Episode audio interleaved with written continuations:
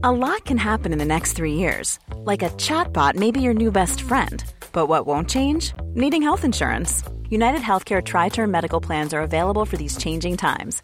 Underwritten by Golden Rule Insurance Company, they offer budget friendly, flexible coverage for people who are in between jobs or missed open enrollment. The plans last nearly three years in some states, with access to a nationwide network of doctors and hospitals. So, for whatever tomorrow brings, United Healthcare Tri Term Medical Plans may be for you. Learn more at uh1.com. I'm Sandra, and I'm just the professional your small business was looking for. But you didn't hire me because you didn't use LinkedIn jobs. LinkedIn has professionals you can't find anywhere else, including those who aren't actively looking for a new job but might be open to the perfect role, like me.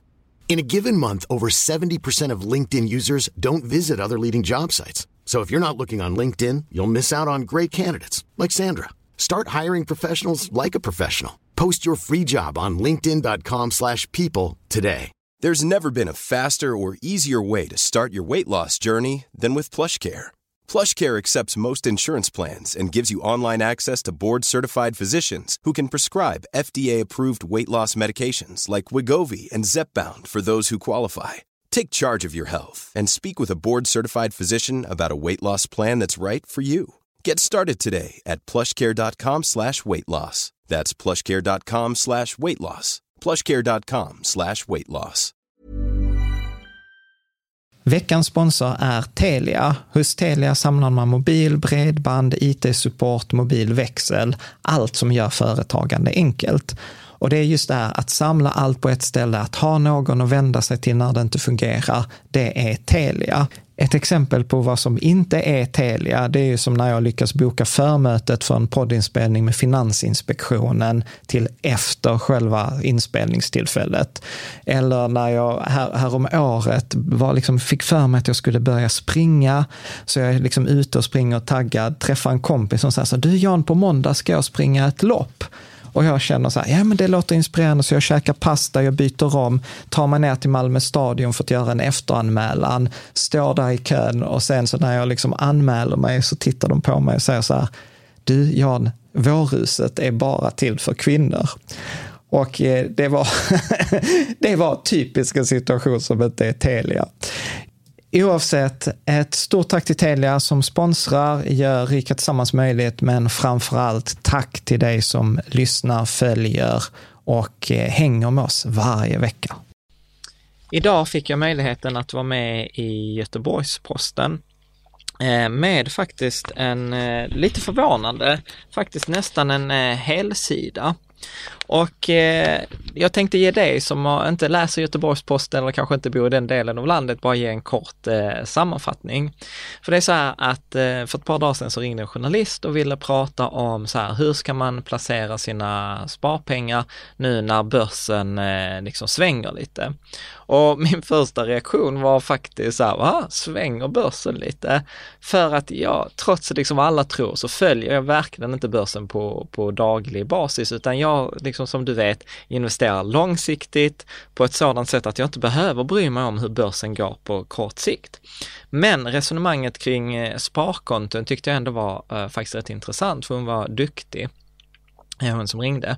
Och vad vi pratade en, en hel del om är ju att jag fick, eller vi pratade om det här just med sparkontornas vikt, att eh, vad ska man göra med sina pengar om man inte vill placera dem?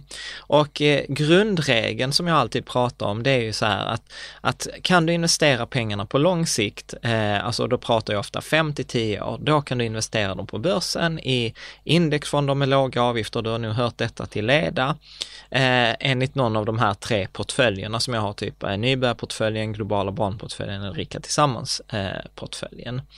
Eh, eh, men jag får ändå liksom hur, frågan, hur gör man då med de här korta eh, sparpengarna med målsparandet, sparandet i en kontantinsats och sånt. Och, och, så är det nästan som att har man dem på bankkontot så har man gjort fel. Och eh, jag påstår att så är faktiskt inte fallet, utan är det ett perspektiv mindre än tre år, då är bankkontot faktiskt ett ganska bra alternativ, alltså bet bättre än alla andra alternativ. Sen behöver man kanske inte välja liksom eh, sparkontot som har noll i ränta, man kan gå på de här som har Eh, 5 eller 0, ända upp till 0,8 eh, procent. Eh, och så att det är verkligen inget fel, för där riskerar man inte eh, pengarna. Och det klassiska exemplet är så här, liksom pengar som exempel kontantinsats. Ja, vi kanske ska köpa bostad om ett och ett halvt år. Ja, men sätt dem på ett bankkonto. För att liksom börsen, det är inget, den svenska börsen kan falla med 50% på 12 månader. Det är inget konstigt, det har hänt flera gånger förut och jag brukar säga på en 15-årsperiod så ska det hända minst två gånger utan att det är något extraordinärt, utan det ingår liksom i hur börsen liksom beter sig. Eh, det andra däremot som man brukar prata om, det är att man ska spara i räntefonder. Och historiskt sett så har man liksom alltid pratat om att sparkonto ger ungefär mellan 0,5 till 2 procent, räntefonder ger från typ 3 procent till eh, 5 procent om det är liksom eh, obligationsfonder i andra änden. Och sen har du aktier från 6 till 8 procent. Men grejen är i det läget som vi är idag, sommaren 2017, då är ju räntorna så himla låga så att räntefonderna ger knappt någon avkastning. Och räntefonderna beter sig på det sättet att när räntan går upp 1% så minskar räntefonderna med motsvarande procent. Och till exempel då de vanligaste räntefonderna, de är ju så här, de har en duration brukar man kalla de investerar i, i papper på en löptid på 12 månader. Och går räntan upp eh, då 1 då faller den med 1% eftersom löptiden är ett år. Har man en lång räntefond, till på sju år i duration, så brukar man som en grovt förenklat säga att om räntan ökar med 1% så kommer den här långa räntefonden att backa med 7% Och vice versa, sjunker eh, räntan med 1 ökar den långa räntefonden med 7% och den korta ökar med 1% Och tittar man i dagsläget så jag hatar att spekulera kring framtiden, men jag skulle ändå säga att oddsen eh, ligger på att vi inte kommer att se fler räntesänkningar. Kanske behålls på samma nivå, men vi lär inte se räntesänkningar om inte något extraordinärt händer. Vilket innebär att om räntan höjs så kommer ju räntefonderna att backa. Och då menar jag på om räntefonder idag ändå bara ger typ 2% varför ska jag då investera liksom mina pengar i en räntefond för 2 eh, och, eh, 2 procents avkastning där jag dessutom då har en risk att de kan backa om räntan höjs. Och då är det ju bättre att ta ett sparkonto där du får en garanterad avkastning och du inte tar någon risk om där är insättningsgaranti. Så att eh, återigen där liksom bankkonto med en avkastning är inte så dumt att ibland ha riskfritt eh, alternativ. Eh, vill man ändå liksom placera en del av pengarna så gillar jag så här Günther Mårders tips om att placera 10% av ditt kapital per år du kan låta pengarna vara. Så kan du avvara pengarna i, liksom, i sex år, då investerar du 60% av pengarna på börsen, kan du avvara pengarna i 9 år, 90% 10 år, 100% ett år, 10% Ja, du fattar. Så det, det kan vara ett alternativ. Och sen så kommer diskussionen in på de här nischbankerna eh, som har de här lite högre räntorna, kanske till och med upp med 6, 7, 8 procent. Och jag brukar säga att ibland så tycker jag att de klassas fel, att man kallar det för sparkonto. För att liksom risken är väldigt mycket högre. Alltså det är ju mer eller mindre ett företagslån man gör, man lånar ut pengarna. Och vi har haft en hel del sådana exempel där det inte har slutat jättebra. Jag tror Funidor var ett sådant exempel för ett tag sedan. Som tog in pengar från sparare, spara, sen fick de lite dåliga artiklar, de hade investerat pengarna i fastigheter, spararna ville ha tillbaka sina pengar, de fick sälja fastigheterna till underpris eh, och om spararna ens fick tillbaka några pengar så var det betydligt mindre.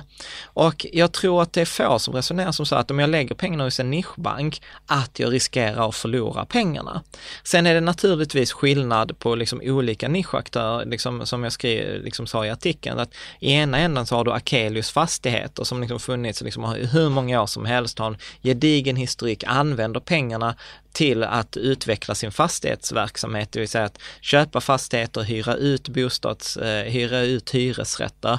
Och jag skulle bedöma att liksom risken är ganska låg. Och i andra änden har du de här bolagen som lånar ut pengar till som korta sms-lån eller liknande, eh, där risken är betydligt högre.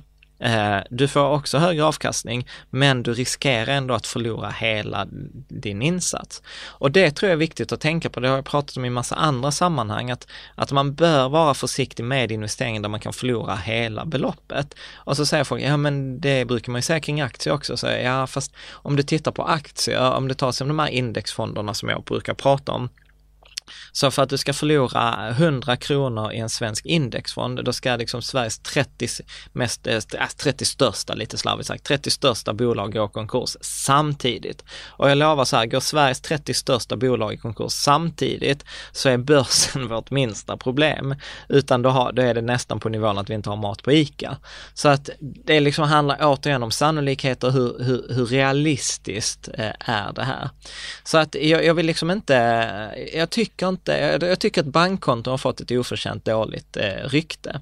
Sen ska man naturligtvis säga att om man tittar att vi som folk har typ 1600 miljarder kronor stående på bankkonton, det påstår jag är hål i huvudet, för jag, jag gissar att många av de här pengarna som står på de här bankerna står där i många år. Jag kan bara ta kompisar eller till och med liksom släkt eh, som är nära mig som har haft stående liksom 100 000 på ett bankkonto liksom i flera år. Och då menar då kan man ju använda och vara lite mer effektiv eh, med de här pengarna. Men man behöver inte ha dåligt samvete för man har en del av sina pengar på bankkontot. Det är min poäng. Och sen också som en av min andra poäng i artikeln var så här att de flesta av oss eh, har inte optimerat sin, eh, sin ekonomi på den nivån att eh, eh, eller, eller så här, det finns mer pengar att hämta i andra området i sin privatekonomi. Det, det är det jag menar. Alltså säg, säg att vi har 100 000 kronor eh, som, eh, som vi kan, ska, ska spara någonstans. Det är mycket mer pengar än vad de flesta har, men, men det är ändå liksom så här 100 000. Och säg att vi har alternativet att sätta detta på ett bankkonto med 0,5 procent Eh, då ger det 500 kronor i ränta eller 0,8 procent, då kommer det 800 kronor i ränta. Och liksom att leta efter det jobbet, flytta pengarna och hålla på att undersöka för 300 kronor jämfört med att om man hade lagt samma tid på att förhandla bolåneräntan som kan ge flera tusenlappar eller förhandla om liksom fasta avtal som i den här artikeln jag skrev för ett par dagar sedan om eh, hur jag hade förhandlat med, med, med Telia. Så att så finns det liksom mycket mer pengar att hämta i andra områden i ekonomin, så mycket, mycket lägre frukt än att just nu jaga så här, oh jag kan få 0,1 procent mer. För det krävs rätt stora belopp för att det ska vara, för att vinsten ska bli största. Eh, jag ska se om jag hittar en länk till artikeln så du kan läsa den i sin helhet. Annars hoppas jag att du gillade den här sammanfattningen. Är du ny som ser detta på bloggen, välkommen!